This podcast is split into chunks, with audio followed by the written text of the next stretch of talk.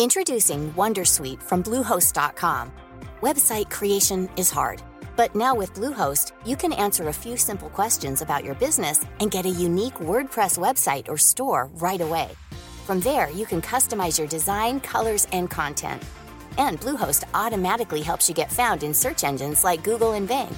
From step-by-step guidance to suggested plugins, Bluehost makes WordPress wonderful for everyone. Go to bluehost.com/wondersuite. Tired of ads barging into your favorite news podcasts? Good news. Ad-free listening is available on Amazon Music. For all the music plus top podcasts included with your Prime membership. Stay up to date on everything newsworthy by downloading the Amazon Music app for free or go to amazon.com slash news ad free. That's amazon.com slash news ad free to catch up on the latest episodes without the ads. Hvorfor skriver mediene saker om at Lillebjørn Nilsen og Ole Paus ikke blir begravet på statens bekostning? Og kan du få kildevern og kreve anonymitet i en sak uten at mediene engang vet hvem du er? Det lurer vi på denne uka, og lytterne lurer på det. Ja, fordi i dag så handler det mest, eller veldig mye, om spørsmål vi har fått eh, fra lytterne, som vi skal forsøke etter beste evne å besvare, Eva. Stort og smått. Ja. Og så um, vi, vi liker jo litt den der, de nerdete presseetiske problemstillingen også. Og vi har hatt fellelser i PFU, Ja, så eh, her blir det noe for de som mye snacks. For, for skal vi si kjernelytteren av Tut Mediekjør. Men du, Ja. Svein Tore, jeg har et spørsmål til deg. Ja. Er det vanskelig? Eller jeg Eh, liker quiz, da. Ja, nei, jeg tror ikke det det er quiz. Hvem vil du ha med deg hvis du strandet på en øde øy, og hvorfor? Å ja, det er den type Dette er spørsmål, sånn da. derre ankett, er det ikke det det heter i, i media? Sånn eh, spørsmål Ja, på så sånn svarer fem på på gata-aktig, Mm. sånn, eller ved siden av et portrett. Og så vil noen ha med Nelson Mandela, hvis det var mulig. Og vi må tenke at det kan være historiske personer, da. Eller kjente personer. Ja, vi må kanskje lage noen regler her. Ja. Kan de være døde, for eksempel? Ja, det må Jeg det. vil si nei. Du vil si nei? ja. Men eh, ok, da. Ja. Ok, hvis jeg kunne tatt med meg en Ikke eh, si kjæresten din, det er for kjedelig. Ja, nei, det, for hun er jo sammen med når jeg ikke er på Ødøya, så dette er vel mer sånn Nei, nei, nå skal du bo resten av livet på Å, dæven døtte. Det er jo det som er hele premisset her. Ja, ok, da ville jeg hatt med Albert Schweitzer. Schweitzer. tåle dette mennesket. Albert Schweitzer. Og øh, hvorfor? Fordi eh, Albert Schweitzer, som vant fredsprisen i 1954, han var en, eh, en fantastisk person. Altså, han forsøkte eh, å leve som han tenkte. Altså, han var en filosof, musikkteoretiker, men altså humanistisk helt der på øverste hylle. Og forsøkte å tenke hvordan kan menneskeheten eh, få det best mulig. Men hva skal du med alt dette her hvis det er bare han og deg på en øde øy? Nei, altså, ikke. altså, vi kan diskutere, Ja, for dette handler okay, om menneskeheten, menneskeheten. eh, det onde Menneskeheten og det som da er gode. dere to som ikke kan reprodusere dere på den? Ja, øya? det, det kan vi heller ikke. Men utrolig. Altså, han har skrevet så mye fint, da, så jeg tenkte at eh, det hadde vært en okay, Jeg hadde nei. nok blitt lei, da. Ja, jeg det tenkte, hørtes øh, Jeg ville jo begynt med å tenke at det burde være en av et annet kjønn, sånn at dere kan reprodusere dere, men det er meg, da. Ja. Um, Så du ville hatt med? Skal Nei, du svare? Nei, jeg bare Jeg bare stiller dette spørsmålet fordi det kom opp eh, sånt minne som jeg snakker om på Facebook. Dette posta du for ti år siden, eller noe sånt. ja. Og jeg syns det var veldig gøy, for det er jo da fra en spalte i avisa. eh, og jeg aner ikke hvem det er som har svart her, men spørsmålet, eller svaret på spørsmålet 'Hvem vil du ha med deg på, hvis du stranda på en øde øy?' var veldig morsomt. Da tar jeg en for laget og tar med meg Donald Trump. Ja, for da er han ute av bildet, på en måte. Ikke sant? Det syns jeg var eh, Det var et godt svar på et eh, litt sånn eh, håpløst spørsmål. Ja, og det var en fin måte å ta ut Trump på, for det er jo andre som tenker at det er mulig å det burde, altså Hvis han er, som veldig mange er frykter nå, at det at han blir president eh, til høsten, er den største liksom, trusselen mot verdensfreden, nærmest. Ja, altså vi, det er mange som mener at vi har god grunn til å være superbekymra for dette, fordi det vil ha konsekvenser for vår sikkerhet. Fordi Ja. det sannsynligvis vil gå utover eh, Ikke sant? NATO-forholdet og så. Og vi kan jo ikke oppfordre til, eh, til attentat, eh, så vi kan ikke ta ut Trump, eh, selv om sikkert noen har vært på den tanken. Så det å Ja, har du, har du det? Nei, nei, men jeg har vel tenkt i mitt stille sinn at eh, altså hvis han skulle dø av et hjerteinfarkt, så at det bedrer verdensfreden eller utsiktene. Det, er jo, det er jo en rar måte å tenke på, men Ja. Det er jo faktisk sånn jeg tenker, da. Ja. Jeg er redd for at Biden dør først, for, på en måte. Ja. Men ok, eh, nok om det. Eh, det. Vi må jo snakke litt om eh, hva som har skjedd i medievirkeligheten og medieverdenen i det siste. Ja, vi snakka jo om Tinus-stiftelsen eh, forleden, og hadde til og med Kristin Skogen Lund og Ole Jakob Sunde som gjester. Ja, det var eh, rett før jul.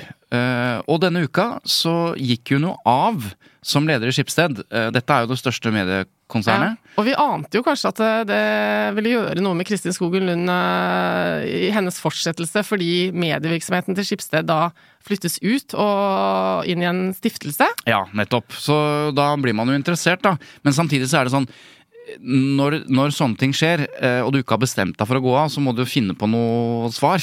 For vi spurte henne jo. Ja, Eh, liksom, hva, tenker, hva tenker du om fremtiden nå som liksom, kanskje den viktigste, i hvert fall henne, drivkraften i Skipsted? Altså ikke markedsplassene som Finn og sånn, men mediedelen er borte. Og da svarte hun eh, noe sånn som at eh, hun ville ta juleferie og bruke litt tid på å finne formen på dette nye, hadde ikke rukket å tenke så mye. Og så fulgte vi opp. Mm. Hør her. Hvordan skal jeg tolke din motivasjon når du sier det du sier nå, til å fortsette som leder av Skipsted? Ja, den syns jeg du skal tolke som god, for at, det- men det er, ikke sant, det, er noe, det er noe annet, og vi må se Vi må liksom få lov til å jobbe oss litt gjennom det og finne ut av liksom, hva blir dette dyret nå? Eh, hvordan er det best å strukturere det? Eh, og jeg, jeg, jeg er litt sånn Jeg går, går til det med et åpent sinn, ja, så får vi se. Men jeg er veldig motivert. Jeg blir primært motivert av menneskene jeg er omgitt av hver dag. Jeg husker jo at uh, da hun sa dette her, så tenkte jeg hun slutter ganske fort. Eh, Stikkordet her er jeg går til dette med et åpent sinn. Ja, Og så veit man jo hvordan man svarer på sånne spørsmål når ting er uavklart. Og så sa hun jo det til kampanjen denne uka, at det at jeg går av, er en naturlig konsekvens av delingen av selskapet. Så det er jo Ja. Det var jo riktig som mange, mange trodde, da. Ja, Men altså, hvor- jeg var ikke genial altså, når jeg hadde den jo, antakelsen. jo, altså, vi følger jo med. Men, eh, men eh, også blir jo spørsmålet, siden hun er en av de mest markante eh, lederne i Ja, hun har jo vært både NHO og nå Skipsted. Hvor er hun på vei? Fordi sånne ledere, som også kan vise til resultater, de, og i tillegg er kvinne. Vi har for få kvinnelige ledere fortsatt på toppen av de største selskapene. Hun er sikkert sliten nå. Tipper hun kommer til å gjøre noe helt annet, jeg. Nei, jeg tipper at hun går til Telenor. Ja. Nei, Ja. jeg er ikke så sikker. Er flaske vin på det, da? eller? Ja, det kan vi godt. Ok, Men nå eh, litt mer for håper å si, vanlige folk. Eh, det er kommet noen interessante tall om mediebruk. Hvem er vanlige folk? Ja, De som ikke er så opptatt av hvor Kristin Skogen Lund tar sin neste toppjobb, f.eks. Ok, Er det vanlige folk? Ja, det er sånn som Ja, ja, det driter i det. Ja. Men, eh, men som kanskje er mer opptatt av sånne ting som eh, hva slags mediebruk de har. Altså hva bruker de tid på hver eneste dag? Årsrapporten for Kantar 24 timer, det er en sånn eh, monitorering av eh, vanlige folks mediebruk. De følger med på oss. Ja. Eh, sier eh, at det norske folk bruker stadig mer tid på norske nettaviser, og det er jo på en måte litt gode nyheter for oss som er opptatt av mediene, er det ikke det? Jo, det er det, hvis, hvis det er riktig. Og det, økningen er visstnok størst blant unge voksne. Mm. I 2023 brukte nordmenn i gjennomsnitt 6 timer og 22 minutter, altså 373 minutter der altså, på medier hver dag. Eh, Og det er en økning på 39 minutter, altså 12% fra 2022. Det er jo egentlig veldig markant. Ja. Men hva er det vi bruker mest eh, tid på? Jo, det er jo nettopp da nettsteder. 23 eh, altså medietiden er fordelt, hvis man ser på kanaler, så er det nettsteder vi bruker mest tid på. 23 mm. TV 20% strømmetjenester 19 Sånn at, Og så er det radio da fortsatt på 14 Og så er det gaming, lesing av bøker, podkast er bare 3% Det er egentlig litt overraskende, fordi det er jo skilt her mellom radio og podkast, men det driver vi jo og endrer på nå. Altså, NRK Radio er jo NRKs podkast-app. Jo, men samtidig, når det står radio, så er jo den radioen Lytting på radio. Lytting på eter- radioen. Ja, ja. Og jeg Mm. tror at eh, skal vi si, unge voksne mediebrukere er litt overrasket å høre at medietiden på hele befolkningen da, det er ikke sånn at podkast er like stor som radio. Det er podkast 3% radio 14 Ja. Og det er eh, Så det, det tar jo lengre tid, i hvert fall å få med hele befolkningen på disse endrende medievanene, da. Og så sier de at blant 18- til 29-åringer så er veksten enda mer fremtredende. Fra 65 til 84 minutter, altså en økning på 29% På den totale mediebruken, ja. Mm. det, det er overraskende, vil jeg si. Men så er jo det ja, ikke sant, Det er positivt at man bruker tid på medier, men, men det som er skjær i sjøen her, er at eh, de norske nettavisene sliter jo da i konkurranse om ungdommens tid, og det har vi snakket mye om, eh, brukt på sosiale medier. Ikke så overraskende. Nei. Og da fremstår norske medier eh, som litt trege, kanskje. De unge ønsker jo noe som er forenkla, kortfatta. De opplever kanskje ikke at norske medier er så tilpassa deres generasjon eh, med hensyn til språk og form og sånn, selv om de jobber jo med det, det har vi jo snakket en del om i det siste, Ja. eh, i- med å tilpasse seg Skreddersy, ja, spesifikk liksom, Lage personalisering. videoinnhold og Snapchat-aktig nyhetsformidling. Mm. Ja, altså, dette er jo, dette, Disse tallene kom nå. Det er jo ikke mange måneder siden Kantar også uh, sa at det er et lite varsko her. Selv om nesten 70% har tilgang på minst ett avisabonnement, altså betalt avisabonnement, så er opplagstallene synkende. Det kan virke som det er et metta marked. Altså, vi kommer ikke til å kjøpe mer plussabonnement og medieabonnement. Um, og totalforbruket av betalt medieinnhold, det som egentlig bare bør vokse, for det er det mediene skal leve av, det har gått ned siden 2022. Og det er jo dette ja, som mediene må tenke på, da. Og spesielt med de med lav inntekt, de kutter det her. Hvordan skal vi oppsummere dette, da? Eh, vi bruker mye tid foran skjerm, Ja. men ikke bare på det som mediene håper at vi skal bruke det på. Nei. Apropos mm. den nye anbefalingen fra eh, regjeringen. Er, Eller fra direktoratet for eh, Hvilket direktorat var det? Skjermbruk i skolen? Ja, det var Utdanningsdirektoratet. Veldig tydelig, klar anbefaling om å på barne- og ungdomsskole. Mm. Levere inn mobilen med en gang du kommer, få den tilbake når du går. På videregående litt mer sånn opp til alle i forhold til friminutt og sånn. Ja. Men det er jo viktig skille, da. Ikke sant? At det er ikke lovforbud. Så det betyr at du kan si det. Og det er jo lettere for skolene nå å gjennomføre det fordi det er en nasjonal anbefaling. Ja. Men eh, hvis noen nekter å levere telefonen, så kan du ikke ta den fra dem med makt, f.eks. Det kunne du ha gjort hvis det var et lovforbud. Ja. Hva sier vi? Yay or nei til dette, denne anbefalingen? Du spør han fembarnsfaren som sliter med skjerm... Har litt Ja, du er jo helt eh, Det er ikke lov å si nazi lenger, eh, men du er jo helt eh, Hva sier man istedenfor det? Eh, Streng Streng, ja. Ja, altså, jeg, har jo, jeg var ikke så streng i de første barna, men nå er jeg litt strengere, og jeg syns det fungerer veldig bra. ja. Så jeg så har du det jo gått veldig bra med de første barna dine òg, så det kan du jo ta med deg. Og så syns jeg det er Ja, det er, det er helt riktig. Ja. Men så syns jeg det er sånn Det kommer jo sånn forutsigbare motstemmer. Nei, dette er feil og sånn.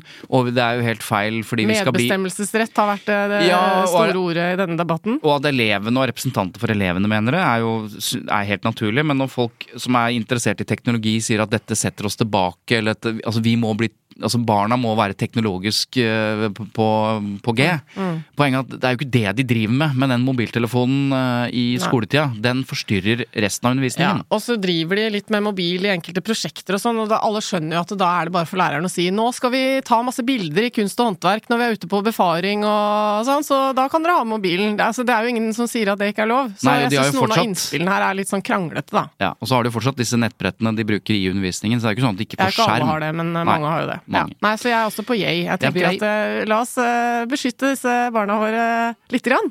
Men du, De kan jo sitte på mobilen eh, resten av dagen. nei, det får de ikke lov til. Det er på lørdager. Du, nå skal vi tune inn mot presseetikk, og jeg har lagt merke til noe Jeg har kost meg på Facebook i en sånn stor diskusjon om en ganske liten ting, men allikevel presseetikk. La oss begynne fra start. Ja. Hva er forskjellen på presseetikk og juss? Ja, presseetikk er etikk.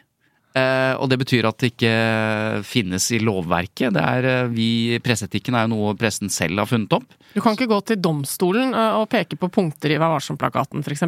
Nei. Og noen mener jo at vi treng, burde, altså, vi hadde klart oss med bare et lovverk, men presseetikken er Strengere enn jussen. Ja, og oppdragene. Ja. Og så er det jo også sånn at hvis du vinner gjennom at det har vært presseetisk klare brudd, så kan jo hende veien fram til søksmål kan være lettere.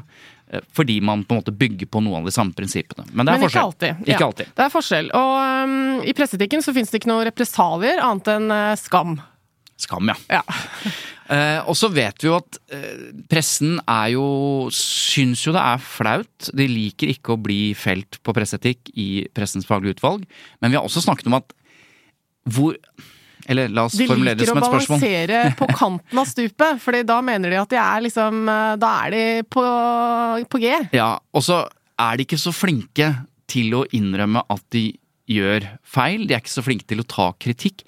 Selv ikke konstruktiv kritikk. Det har vi Nei. snakket litt om. Ja. Og her har jeg et Altså, dette er et nydelig eksempel på akkurat det, hvis jeg får lov. Altså, Du får lov. det har jo stormet i Bodø eh, i det siste. Ja. Ikke bare værmessig. Men eh, kritikere mente at eh, denne åpningen av Bodø 2024 som europeisk kulturhovedstad var både kjedelig og for mye fokus på samer eh, i denne åpningen. Og det, har- debatten har tatt helt av, både i tradisjonelle og sosiale medier. Og det har visstnok vært mye samehets etter dette, osv. Som jo ikke er bra. Men vi skal ikke gå inn på selve debatten. Men Dagbladet skrev en leder om dette. Og overskriften var 'Sorry, Halvdan'. Og da er det Halvdan, ja. Halvdan Sivertsen vi snakker om. Stort bilde av Halvdan Sivertsen, denne visesangeren, denne nasjonalskatten, sommer i, sommerfugl i vinterland-mannen. For Dagbladet skriver da at uh, de støtter jo i denne lederen alt fokuset som var på samisk kultur, og skriver blant annet, fordi flere etterlyste eksempel Halvdan Sivertsen i den åpningen, da, at Beklager, Halvdan Sivertsen, men det er ikke sommerfugl i vinterland som er det mest interessante med norsk kultur akkurat nå. Sitat slutt. Mm.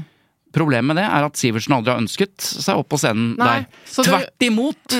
Halvdan Sivertsen har nå gått ut og vært tydelig til støtte for samisk innslag på dette. Og da er det jo sånn at det er jo et kjempeproblem med den overskriften. Det er at både overskriften og bildet da insinuerer en slags motstand fra Halvdan Sivertsen selv, som i virkeligheten støtter helhjerta opp under dette samiske fokuset aldri bedt om den plassen. Sorry, Halvdan, det er ikke tid for deg nå. Men han har jo aldri, han har jo aldri ment det! Dette er problemet. ja. Bilde, overskrift, vinkling. Og så er spørsmålet, hva skjer da når noen påpeker dette? Så i, det er da Marie Simonsen, som er eh, kommentator, eh, som jeg kjenner, og som er en uredd og viktig aviskommentator i dagens Presse-Norge. Som poster det på Facebook? Hun poster denne lederen, ikke sant, på Facebook. Eh, for å si det sånn, hun har bitte litt å gå på på å ta konstruktiv kritikk. Ja. Fordi- Hun er ikke aleine om det Nei, i men sin stand. jeg må få lov til å si at her er hun blant de dårligste i klassen. Mm. Altså, Her kommer det kritikk fra vanlige folk, men også flere journalister, redaktører. Blant andre kulturredaktør i uh, Bergens Tidende. Tidligere ansvarlig redaktør i Dagbladet, som gjør litt pikant. Jon Arne Markussen. Og skriver dette vi nå påpeker, at det, det ser ut som noe helt annet enn det eh, det handler om. Halvdan Sivertsen, sorry han, liksom. Han er jo på riktig side. Helt feil. La meg bare lese opp noen av Marie Simonsens svar på den betimelige kritikken som kommer. Skjønner ikke innvendingene. Sorry, vi jobber ikke i Aftenposten. Det er ikke mulig å lese det sånn, med mindre du ikke har lest en tabloidavis i hele ditt liv. Ser ingen grunn til å rette opp. Ja. Det er tonen. Ja. Og jeg Hva skjønner hvis oppnår man med det? Nei, jeg skjønner jo hvis det er sånn vanlig Dagbladet-hat, liksom. At hun kan være litt skarp tilbake. Ja. Men dette er jo kritikk som er betimelig. Av folk som kan like mye presse og presseetikk som det hun gjør. Mm. Og hun bare avfeier det totalt. Jeg lurer på om det står i kommunikasjonsstrategien til Dagbladet at det skal være sånn. Ja, Er ikke dette litt gjenkjennelig? Jeg syns jo vi fikk eh, Vi hadde en nyhetsredaktør, Mats Andersen. Ja, han er jo eh, veldig unntak, vil jeg si. Men ja, sånn Han liker å krangle, men, men han kan jo erkjenne at ja, du har et poeng. Ja. Det som er litt dumt med, med Og kanskje er det et slags Nå skal ikke jeg analysere Marie Simonsen uten at hun sitter her og kan forsvare seg, men, Nei, nå må du passe deg. men det er et eller annet kanskje med at hun er nok en av de aviskommentatorene som har fått mest juling. Mest hat, mest trusler osv. Fordi at med en gang hun snakker om eh, feminisme eller, eller likestilling eller sånn, så, så vet jeg at hun får enormt mye. Så det kan hende det er en slags refleks, da, at hvis du får kritikk, så bare Ja. kjemper du tilbake. Ja. Men dette her blir for dumt, da. Mener Skulle vi jeg. ringt Marie? Eh, vi kan godt. Spurt om hun har lyst til å kommentere det? Er ikke det fair? Vi kan gjøre det. Gjør det, da. Du som kjenner henne så godt. Ok, et lite øyeblikk. Da fikk vi jo ikke tak i Marie Simonsen, men uh, vi kan jo se om vi får til i løpet av uka. Så hvis hun har lyst til å si noe, så kan hun Ja. gjøre det neste uke. Absolutt. Mm. Men du, nå er det tid for uh, våre annonsører. De har bedt om ordet. De har bedt om ordet! Ja, hver episode. Rakk de opp hånda? Ja, de sitter på hjørnet her. Bra! Introducing Wondersuite from Bluehost.com. Website creation is hard, but now with Bluehost, you can answer a few simple questions about your business and get a unique WordPress website or store right away. From there, you can customize your design, colors, and content. And Bluehost automatically helps you get found in search engines like Google and Bing. From step-by-step guidance to suggested plugins, Bluehost makes WordPress wonderful for everyone. Go to bluehost.com/wondersuite. Tired of ads barging into your favorite news podcasts? Good news. Ad-free listening is available on Amazon Music for all the music plus top podcasts included with your Prime membership. Stay up to date on everything newsworthy by downloading the Amazon Music app for free or go to amazon.com slash news ad free. That's amazon.com slash news ad free to catch up on the latest episodes without the ads. Ja, takk til, eh, takk til dere annonsører. Du, apropos overskrift og bilder og Marie Simonsen og Dagbladet. Ja. Eh, Dagbladet ble jo nettopp felt eh, for akkurat den samme te tematikken i PFU denne uka her. Nettopp. Det som handler om ja, overskrift og, og det å gå for langt, da, på en måte. Ja, for det står jo i Vær varsom-plakaten at eh, det skal være dekning for tittel, Mm. eh, overskrift, i saken. Det vil si at du kan ikke vinkle overskriften ut av eh, konteksten i saken, ikke sant? Ja. Eh, Det det er en regel for hvor langt du kan dra det. Du kan ikke gå lenger enn det det er dekning for. Men det du kan, er å gå kortere. eh, enn det det er dekning for. Og med det så mener jeg at det, det er jo det som ofte skjer i de tabloide avisene, at de tar bare noen få ord Ja. som på en måte ikke er feil, Mm. Men som allikevel er spekulative. Ja, for det er- ordet står i artikkelen, Ja. så det er dekning for det. Det er et sitat, for eksempel, som Mm. fins i artikkelen, og da er det dekning i artikkelen. Mm. Men når du ser det sitatet opp mot for eksempel et bilde av noen andre Mm. enn de sitatet handler om, så blir det ofte feil, da. Og det her er en sånn vanskelig problematikk i i PFU, men mitt inntrykk nå er at de kanskje er i ferd med å bli litt strengere. Mm. Fordi både Dagens Næringsliv og Dagbladet ble i forrige uke da eh, felt på Varselplakatens punkt 4.4, som dette er. Og det er ikke så ofte sant, det er, De kanskje har blitt strengere, men det, det er ikke så ofte vi ser de fellelsene. At de har gått for langt. Nei, Selv om jeg for tror at sjelden, syns jeg. Ja, for jeg tror at folk flest tenker at det er vel et av de punktene som mediene kanskje bryter oftest. At, det liksom går for lang, at de vinkler for hardt og går for langt i, i overskrift og osv. Men det er ikke så mange fellelser på det. Nei. Kontra samtidig imøtegåelse, f.eks. Eksempel. Og som oftest så handler jo den type PFU-saker om eh, en tittel eller en gress da, som er spissa for mye, og i Dagbladets tilfelle så var det derimot ikke noe galt med ingressen hvis man hadde sett den alene. Ok? Eh, Det ble feilaktig fordi den sto i kombinasjon med et bilde. Og da Eh. overskriften, eller det det handlet om, var at det var mamma ringte om vannkoppene. Mhm. Og saken handlet da om en tre år gammel jente som måtte legges på isolat pga. skarlagensfeber og kraftige vannkopper. Så saken handlet om det. Ja, og det som eh, er situasjonen er at Dagbladet viste et bilde av jentas tunge som hadde store blemmer over hele seg. Eh, Og så skrev de i ingressen da mamma eh, så symptomene på tunga, så ringte hun legevakta umiddelbart. Ja, Bare ta den ingressen. Den ingressen er det altså ikke noe feil med i seg selv. Mamma så symptomene på tunga, ringte legevakta umiddelbart. Så står det sammen med et bilde Ja. av svære blemmer og fandens oldemor på dette stakkars barnet på tre år. Problemet for Dagbladet var at tungen ikke så sånn ut som på bildet da moren ringte til legevakten.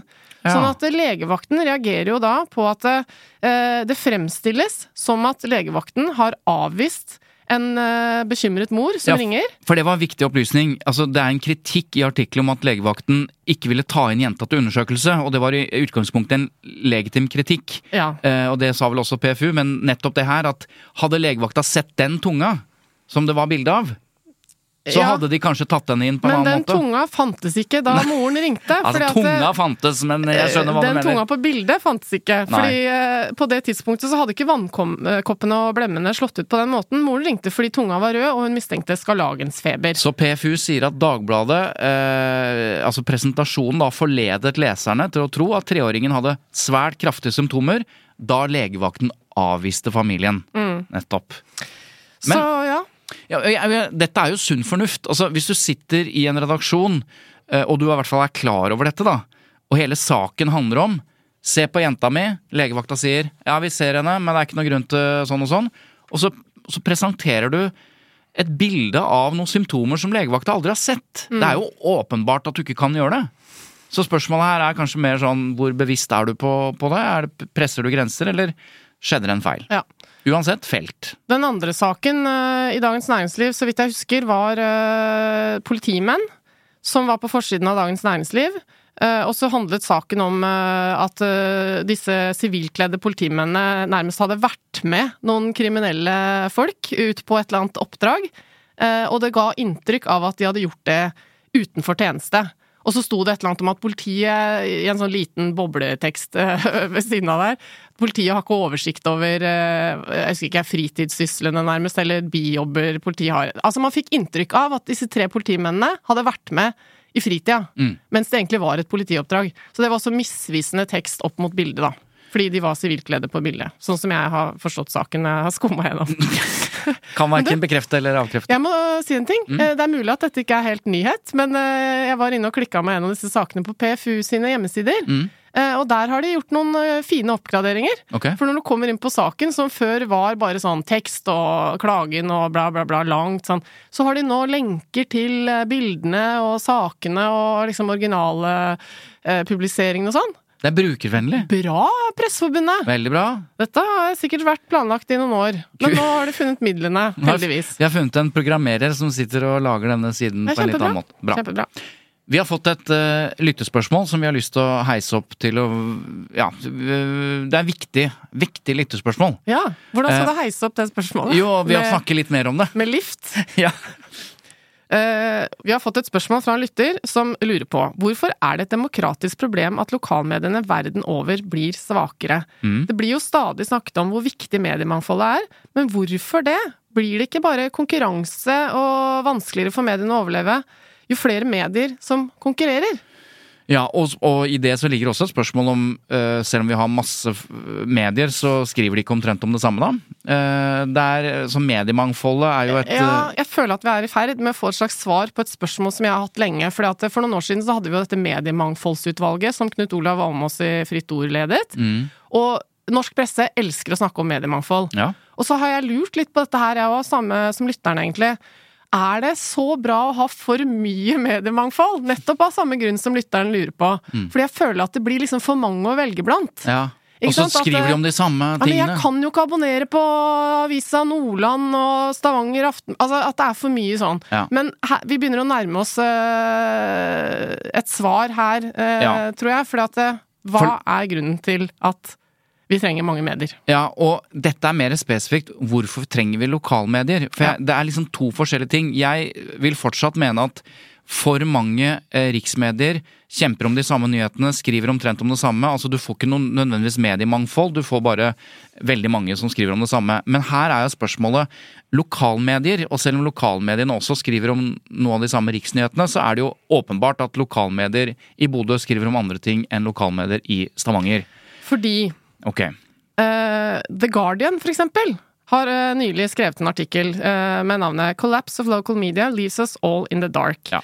Og de forteller da at det er en markant nedgang i antallet lokale aviser i Storbritannia, delvis pga. fallende annonseinntekter og osv. Og hva skjer da?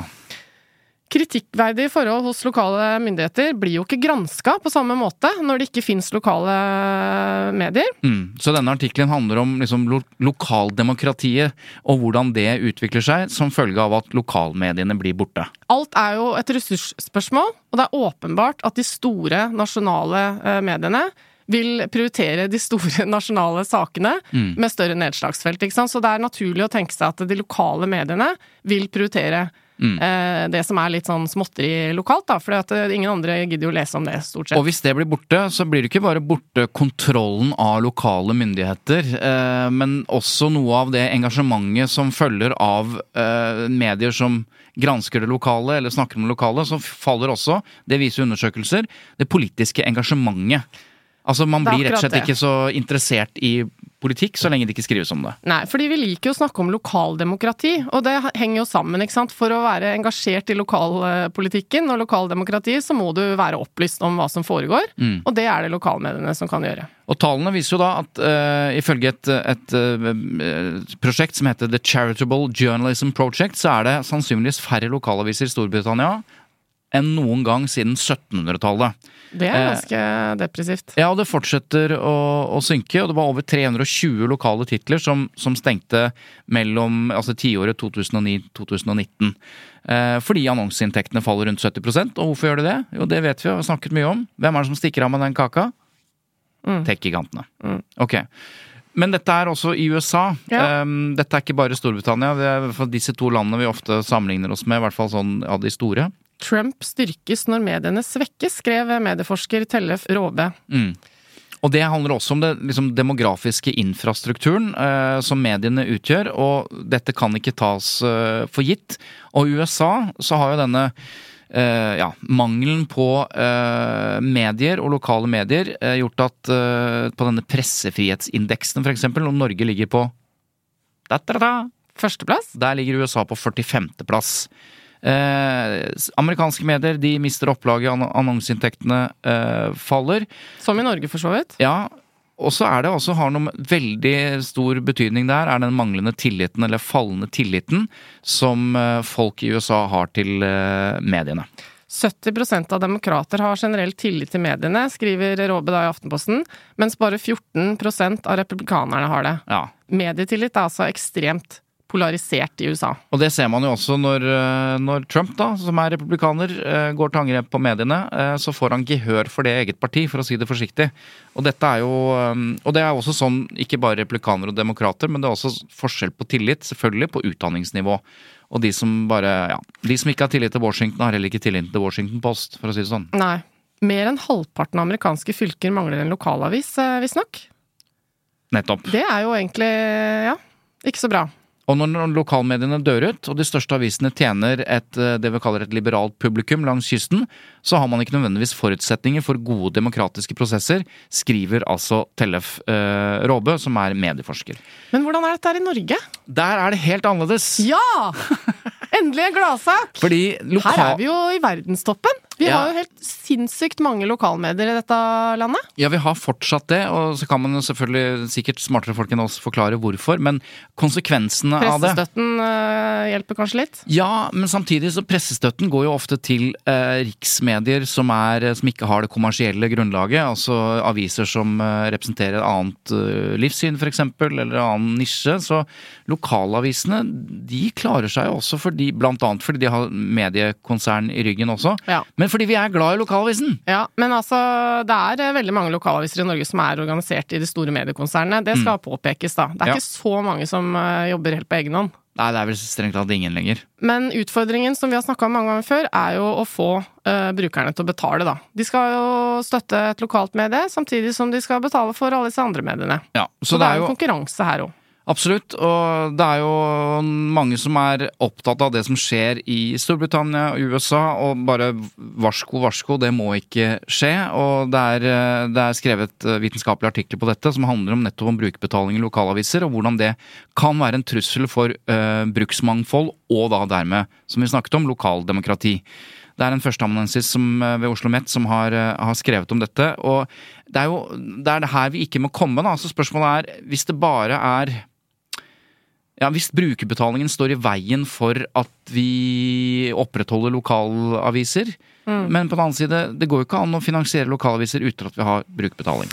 Nei. Ofte er det jo en del av debattstoffet som ligger åpent, da. Eh, Fordi at eh, i lokalsamfunnet så mister man jo arenaer for debatt og kunnskap om hva som skjer i lokalsamfunnet hvis man ikke har en god og kritisk presse på de lokale samfunnsforholdene. Så mitt inntrykk er i hvert fall at mye av den type stoff ofte ligger åpent. Mm. Men det hun skriver om og har funnet ut, er nettopp at i det øyeblikket du møter de plussakene og ikke eh, måtte har tenkt å abonnere, du er vant til å få det gratis, så forsvinner de brukerne, lokale brukerne, til andre eh, medier. Altså, ikke sant. Og det hun skriver at dette vitner om behov for nytenkning rundt mediepolitiske tiltak som effektivt kan stimulere til bruk av lokaljournalistikk i tråd med eh, målet om bruksmannfold. Altså, det er et eller annet som skjer, eh, og den balansen der må vi liksom følge med på. da. Hvis ikke så, så blir det som i de andre landene. Og det vil vi ikke ha nå. Det vil vi ikke ha nå. Lokalpolitikerne syns sikkert det er veldig slitsomt med sånne lokalaviser som driver og graver i alt de foretar seg på, på mi, eh, mikronivå. Ja, også, Men det er jo en forutsetning for et velfungerende demokrati, da, det skal sies. Ja, og så tror jeg de er glad i lokalavisen så lenge de er på lag. Eh, og det er det ikke alltid de er, men eh, jeg tror det i hvert fall er ekstremt viktig for både lokaldemokratiet og politikken. Mm. Hvorfor har vi ikke snakket om Kjerkol i denne sendinga? Eh, Er det fordi eh, vi er litt trøtte på saken, eller skal vi snakke om det litt? Ja, det er i hvert fall en veldig mm, skal vi se, journalistisk interessant, eh, eller presseetisk interessant vinkel på denne Kjerkol-saken. Mathias Fischer, Mm. han skrev noe interessant om dette her. Hvem er Mathias Fischer? Han ø, jobber nå i noe som heter Tankesmien Initiativ Vest, men han var tidligere kommentator i BT og TV 2, og man har liksom sett han rundt omkring i media. Men har også sittet i regjering. Han har vært statssekretær for Venstre. Ja, Ja. det også. Ja. Eh, Og så altså, jeg sier det fordi det han nå kommenterer, handler jo om nettopp hva som foregår i regjering. Ja. Og Akkurat nå. så har han vært rådgiver i eh, kommunikasjonsbransjen også. Men altså, eh, han skriver en kronikk om en melding som aldri burde blitt sendt. Ja, Og- det er interessant. Altså Det er to ting som skjer. Når Kjerkol fikk alt dette trøkket, Mm. så var det jo behov for å svare på et eller annet vis. Og da er det altså Hun er jo helseminister. Og da er spørsmålet Når du får trøbbel som helseminister, Mm. eller som Ingvild Kjerkol Ikke som helseminister, for dette handler jo om masteroppgaven hennes som skjedde før hun ble det. Ja. Da er det et prinsipielt spørsmål her. Skal embetsverket, altså kommunikasjonsavdelingen er jo en del av embetsverket i departementet, Altså ikke politisk ansatt. Nei, men kommunikasjonsstaben. Skal de tre inn og redde statsråden, eller hjelpe statsråden å bistå de i en skandale som ikke er relatert til jobben som helseminister? Ja, interessant spørsmål. Ja, og jeg er nok enig Fordi det med Fischer handler litt om sånn eh, Skal vi bruke ressursene i, i departementet til å forsvare Private skandaler. Ja. la oss si at hun hadde en hytte da, som hun ikke hadde Eller som hun hadde malt svart, holdt jeg på å si. Altså ikke fargen, men fått Og så skal du Skatteunndragelse. Ja. Skal da informasjonsavdelingen, eller kommunikasjonsavdelingen i departementet bistå Kjerkol i den saken, hvis VG og andre aviser Ja. eh, ringer ned? Det er jo et interessant spørsmål, men samtidig, i praksis er det litt sånn det er som om vi to på jobben eh, skulle plutselig stå i en krise da, hvor du eller jeg blir eh, tatt for et eller annet eh, idiotisk vi har gjort for 20 år siden. Mm. Og så skal liksom vi si til hverandre at ja, dette får du stå i aleine, for det, dette Ja. har ikke noe med vårt selskap å gjøre. Altså, det er jo ikke sånn det fungerer i praksis. men, men akkurat når det gjelder departementet, så sier jo altså Fischer sier at rollen, som da kom, rollen bør da begrenses til å koordinere intervjuavtaler. For det kommer jo spørsmål til departementet, så noe må det jo gjøre. Men, men det bør liksom begrenses eh, til det. Og svarene på spørsmålene fra statsråden, de må jo gå fra henne eller politiske rådgiver, og ikke fra embetsverket. Og dette er litt sånn vanskelig.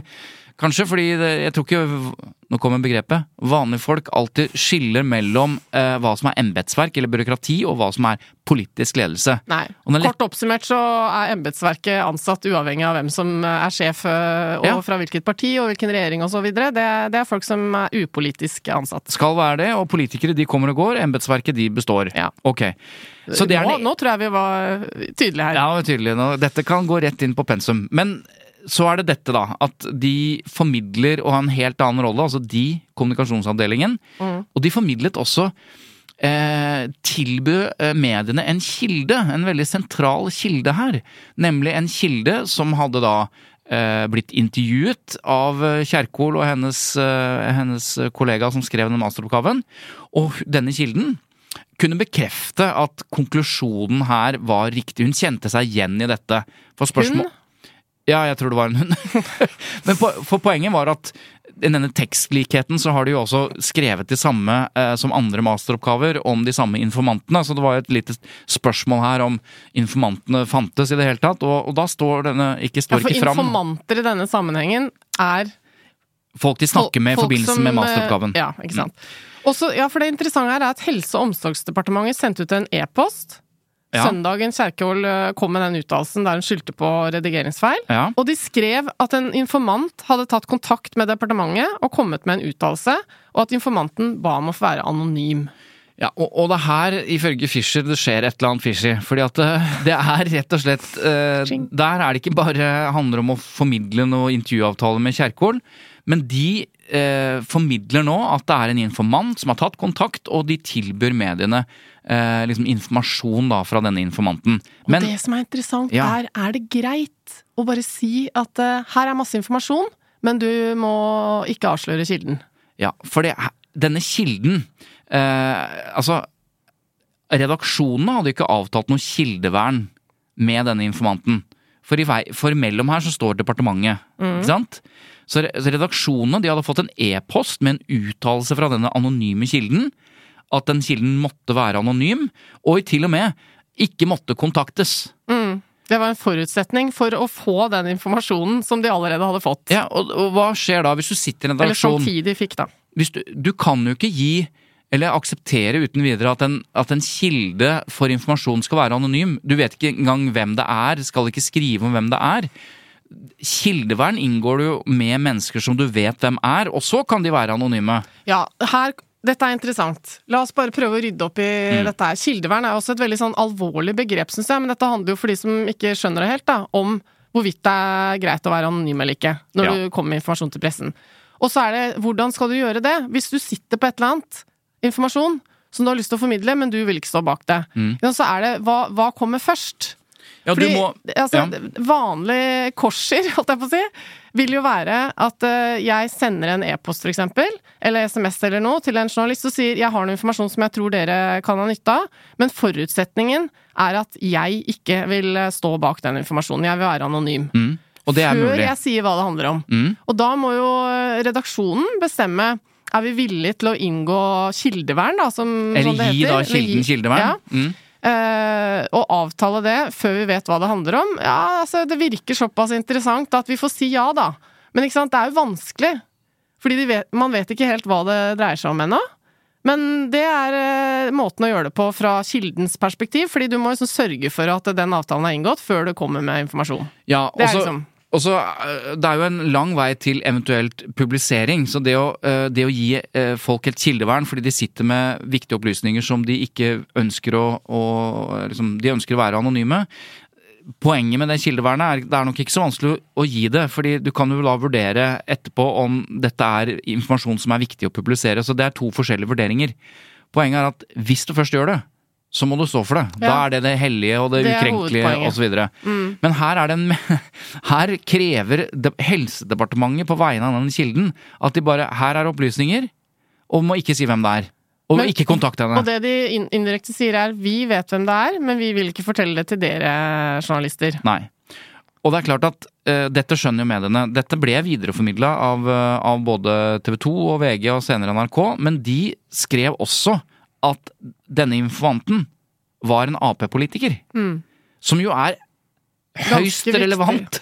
Hvis Kjerkol får sine støttespillere Én ting er å få støttespiller fra en professor som ikke er Arbeiderpartimann eh, på faglig grunnlag, Mm. mens en informant må jo også for så vidt bli trodd, men det er jo relevant å vite at det er en partifelle som gir denne støtten. Mm. Og derfor skriver Fischer pressen var i sin rett til å identifisere informanten.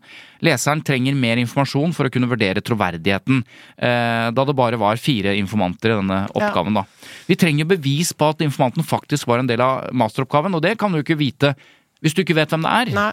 Så det vanlige her er jo at eh, pressen skal vite hvem det er, men ikke formidle det til sine lesere. Det er den vanlige situasjonen. Men la oss bare fjerne oss fra denne saken, da. Og jeg har ringt deg som journalist Mm. med noe informasjon. Du har, du har gitt meg Du har Kildevern. innvilget kildevern. Mm. Eh, og så kommer det noe informasjon som du eh, innser at det blir rart å videreformidle uten Ja. at noen står bak den informasjonen. Ja. Så da vil jo vi to Da vil du antageligvis prøve å inngå eller, altså, en Få deg til å stå frem, da. Ja, ja, rett og slett prøve å få meg til å stå frem. Ja, sånn som det har vært ikke- i masse metoo-saker og sånn, ikke sant? hvor, eh, hvor uh, journalistene sitter i en situasjon hvor de føler at det, vi kan ikke videreformidle denne historien anonymt, for det blir for eh, drøyt. Og dette er presseetisk uh, krevende dilemma mellom flere viktige ting. For det første så står det i Vær varsom-plakaten at du skal tilstrebe åpne kilder. Altså, du skal forsøke å si til kildene at det er best om du står fram, det er best for saken, osv. Samtidig så skal ikke du presse folk som kanskje ikke bør stå fram, eller har lyst til å stå fram. Så det er to eh, liksom, hensyn som, som går mot hverandre. Men, men det er viktig å si at dersom du er, jeg har gitt deg kildevern, og det kommer opplysninger som, som, til meg fra deg, så jeg, det kan jeg ikke publisere hvis ikke folk vet uh, hvem Eller i hvert fall noe mer, da. Og da må jeg ta det valget at jeg kan ikke bruke de opplysningene. Nei, og det skjer veldig ofte. Ok, så her gir vi eh, Mathias eh, Fischer rett. I hvert fall jeg syns at det er fornuftig at vi kan ikke for det første gi kildevern til folk vi ikke vet hvem er, og så bare akseptere at vi verken skal liksom kontakte de eller fortelle de hvem det er, da. Så til deg som eventuelt sitter på noe juicy der ute, så er det to ting du kan gjøre, da. Det første er å, før du kommer med opplysningen til en journalist, ta den samtalen. Jeg vil være anonym, det er en forutsetning. Og det andre magiske ordet er bakgrunn. Mm. Du kan ringe en journalist og si 'jeg vil eh, gi deg noe informasjon' på bakgrunn. Da har de heller ikke lov til å publisere uten å avtale det. Så lenge de eh, ja, er enige om at ok, Dette er på bakgrunn. Avtalen Men en, i dette tilfellet, eh, hvis du ønsker å være anonym og komme med opplysninger, ikke gå til departementet. Gå til journalistene. Det er de som kan gi kildevern, ikke Ja. departementet. Ja. Ok. Vi har fått et lyttespørsmål til. Er det ikke en ikke-sak at Ole Paus og Lillebjørn Nilsen ikke får begravelse på statens bekostning? spør lytteren. For det første så er det forferdelig at disse fantastiske menneskene har eh, gått bort. Dette er jo bautaer i vår kulturelle historie, og vi har vokst opp med de. eh, Og vi er interessert i å lese om de, og de står på avisenes forsider. Så blir da saken etter hvert at de ikke får begravelse på statens regning. Og det, jeg er enig eh, i spørsmålet. Jeg reagerte på det samme. at eh, Hvorfor trenger vi å lage så mye saker om at han får ikke begravelse på statens eh, bekostning? Altså, det, blir jo så uverdig. Ja, og de fleste får jo ikke det. Nei. Altså, og det er det som gjør det på en måte til en ikke-sak, for mediene er med på et, å konstruere et premiss om at Ole Paus, Lillebjørn Nilsen, de er da fantastiske kunstnere. Burde ikke de ha fått eh, liksom begravelse på statens regning? Og så lag, legger de det premisset til grunn når de lager saken på at de ikke får det. Og det eh, Ja, da blir det en diskusjon, da. Hvem er verdig det, og hvorfor ikke han, og hvorfor altså, Ja. og, og lytteren skriver I det siste virker det som om mediene prøver å skape overskrifter som setter fyr på kommentarfeltet på Facebook. For hvem vil vel ikke være enig i at en folkekjær artist hadde fortjent dette dagen etter hans eller hennes død? Poenget mitt er at jeg synes det er en uting at mediene virker både å spekulere i dette på forhånd hver gang en stor kulturpersonlighet dør, når hele hensikten med denne ordningen jo er at det skal være en æresbevisning uten klare kriterier, og som bestemmes av statsministeren og regjering. Så skriver lytteren til slutt, så kan man selvfølgelig diskutere om ordningen i det hele tatt burde finnes, men det er en annen debatt. Så poenget er, er medien, altså det er en uklar ordning, Ja. men medienes rolle i dette, at de spiller opp dette, så folk liksom skal diskutere for og mot om denne døde personen fortjener Ja, det blir en eh, litt begravelse på uverdig statens debatt regning. rett etter at eh, et menneske har gått bort. Da. Og dette poengterte også Aftenposten i en leder eh, i, forbindelse med denne debatten. De skrev eh, midt i sorgen utløse ordningen med begravelse på statens bekostning uverdige diskusjoner. Det er jeg jo for så vidt enig i. Eh, altså, for det, han fikk jo til slutt eh, på kommunens eh, Ja, kom- regning, tror jeg. Ja, kommunen ønsket å ha en, en offisiell markering av Oslos virkelig store visesønn og far. Eh, og da skriver Aftenposten at Og det er jo på en måte greit, det, men de også får et problem da neste gang en stor eh, kunstner i Oslo dør. Skal vedkommende også da få denne markeringen i rådhuset, da? Det enkleste vil kanskje være å avskaffe hele ordningen, er det mange som mener. Eh, Folk kan jo hedres på annet vis, blant annet med krans eller tilstedeværelse fra det offentlige Norge i en begravelse osv. For det blir litt sånn eh, hva er kriteriene egentlig for Ja. hvem som er bra nok for å få regningen betalt? Så her er det to ting. En ordning som er høyst liksom, uklar. Men jeg, jeg er enig med lytteren. Jeg mener at når mediene lager disse overskriftene Lillebjørn Nilsen begraves ikke på statens regning. Eh, Ole Paus og Lillebjørn Nilsen hadde fortjent å bli begravet av Norge. Når de får disse oppslagene det er, Jeg syns det er problematisk at de, eh, at de lager disse oppslagene. Fordi hvem er det som egentlig krever det? Kanskje folk som ikke kjenner ordningen. Altså det, blir, Ja. det er feil premisser, da. Eh, Harald Stanghelle skrev en kommentar eh, for ikke så lenge siden eh, som jeg syns var god. Hvor han beskriver jo bakgrunnen for ordningen og hvem som har fått disse begravelsene tidligere. da. Og poengterer at det egentlig burde hete æresbegravelse. Fordi eh, det blir litt sånn hvem skal ta regninga-debatt. Ja. Når, når, når man omtaler det som begravelse på statens bekostning. Ja, sant. Mens det er vel egentlig i utgangspunktet en hedring av mennesker som har indiskrevet sitt navn i sitt folks historie. Indiskrevet? Det er altså gammelt språk. Ja. Dette står et eller annet sted, i et eller annet gammelt dokument, jeg vet ikke hvor. Men uansett så blir det en diskusjon. Ja, har ikke Lillebjørn Nilsen gjort det, da? Ja, Og så der, har vi det gående. Apropos kulturpersonligheter og saker rundt det. I Norge så har vi noe som heter innkjøpsordning. Mm. Altså, hvis du skriver en roman, så er det 90% av alle skjønnlitterære bøker kjøpes inn av Kulturrådet. Altså, du får, de kjøper 1000 bøker, setter i biblioteker over hele landet. Okay? Så det er vanlig. Mm. Eh, Så da er det jo en sak at en kjent skjønnlitterær norsk forfatter, som for eksempel Anne Holt, da, Mm. hvis hun da blir nullet, som det heter, at hun ikke blir kjøpt inn, da er hun i et mindretall av de skjønnlitterære bøkene. Det er en sak. Hun ble nullet. Mm. Hvis du snur på det og snakker om sakprosa, altså dokumentarbøker, så er det omvendt. Det er bare ti, jeg tror det er under 10% som blir kjøpt inn. Så kommer det en sak om at Tor Boman Larsen blir nullet av Kulturrådet, ikke blir kjøpt inn. Ja, men da er han jo på lag med 90% av resten. Og det er det samme med begravelse på statens bekostning. De aller, aller, aller færreste. Så de lager en sak om at han får ikke det, og han får Nei, men det er jo vanlig. Det er det som er vanlig. Ja. Nei, jeg tror jeg faller ned på at uh, ordningen bør avskaffes, så man uh, gir honnør til folk på annet vis. Ja. Enn å betale regninga for hele gildet. Du, har vi enda flere lyttespørsmål? Fordi Det nå kom inn et eller annet nå rett før sending. Ja. Vi har fått en lenke til en sak i Aftenposten, eh, og vedkommende skriver Jeg sliter med å skjønne om denne saken er en kommentar eller en nyhetssak.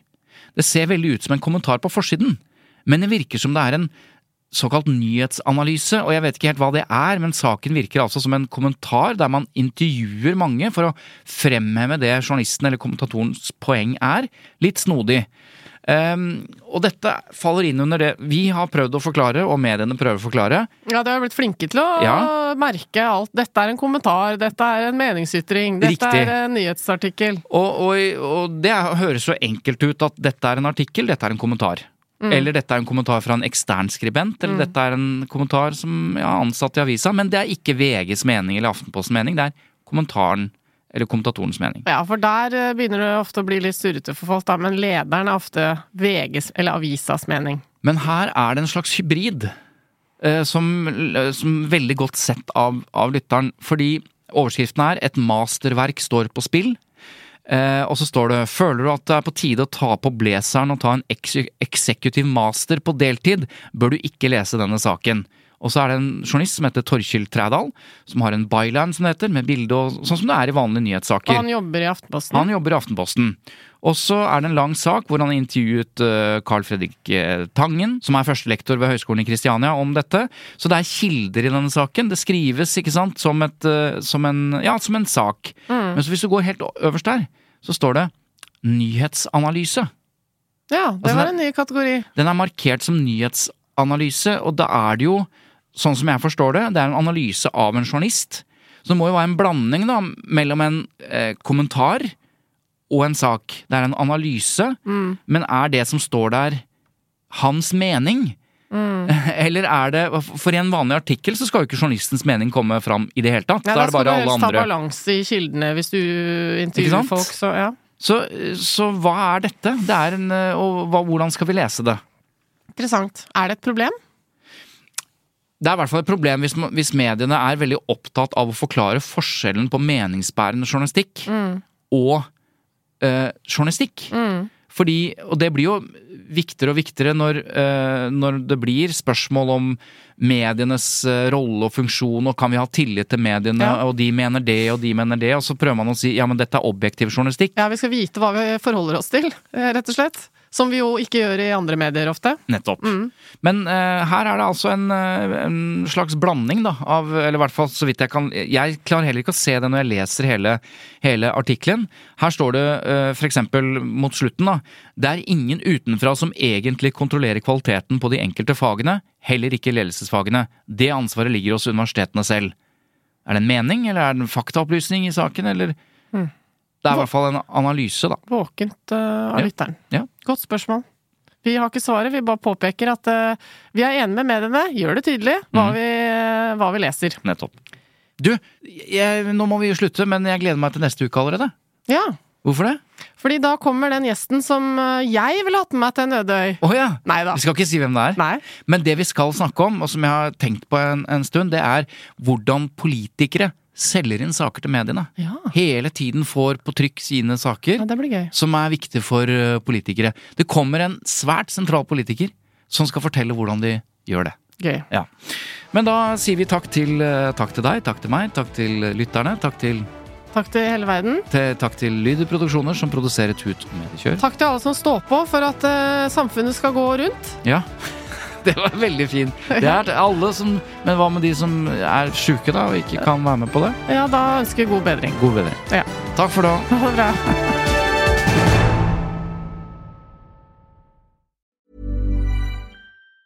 Tired of ads barging into your favorite news podcasts?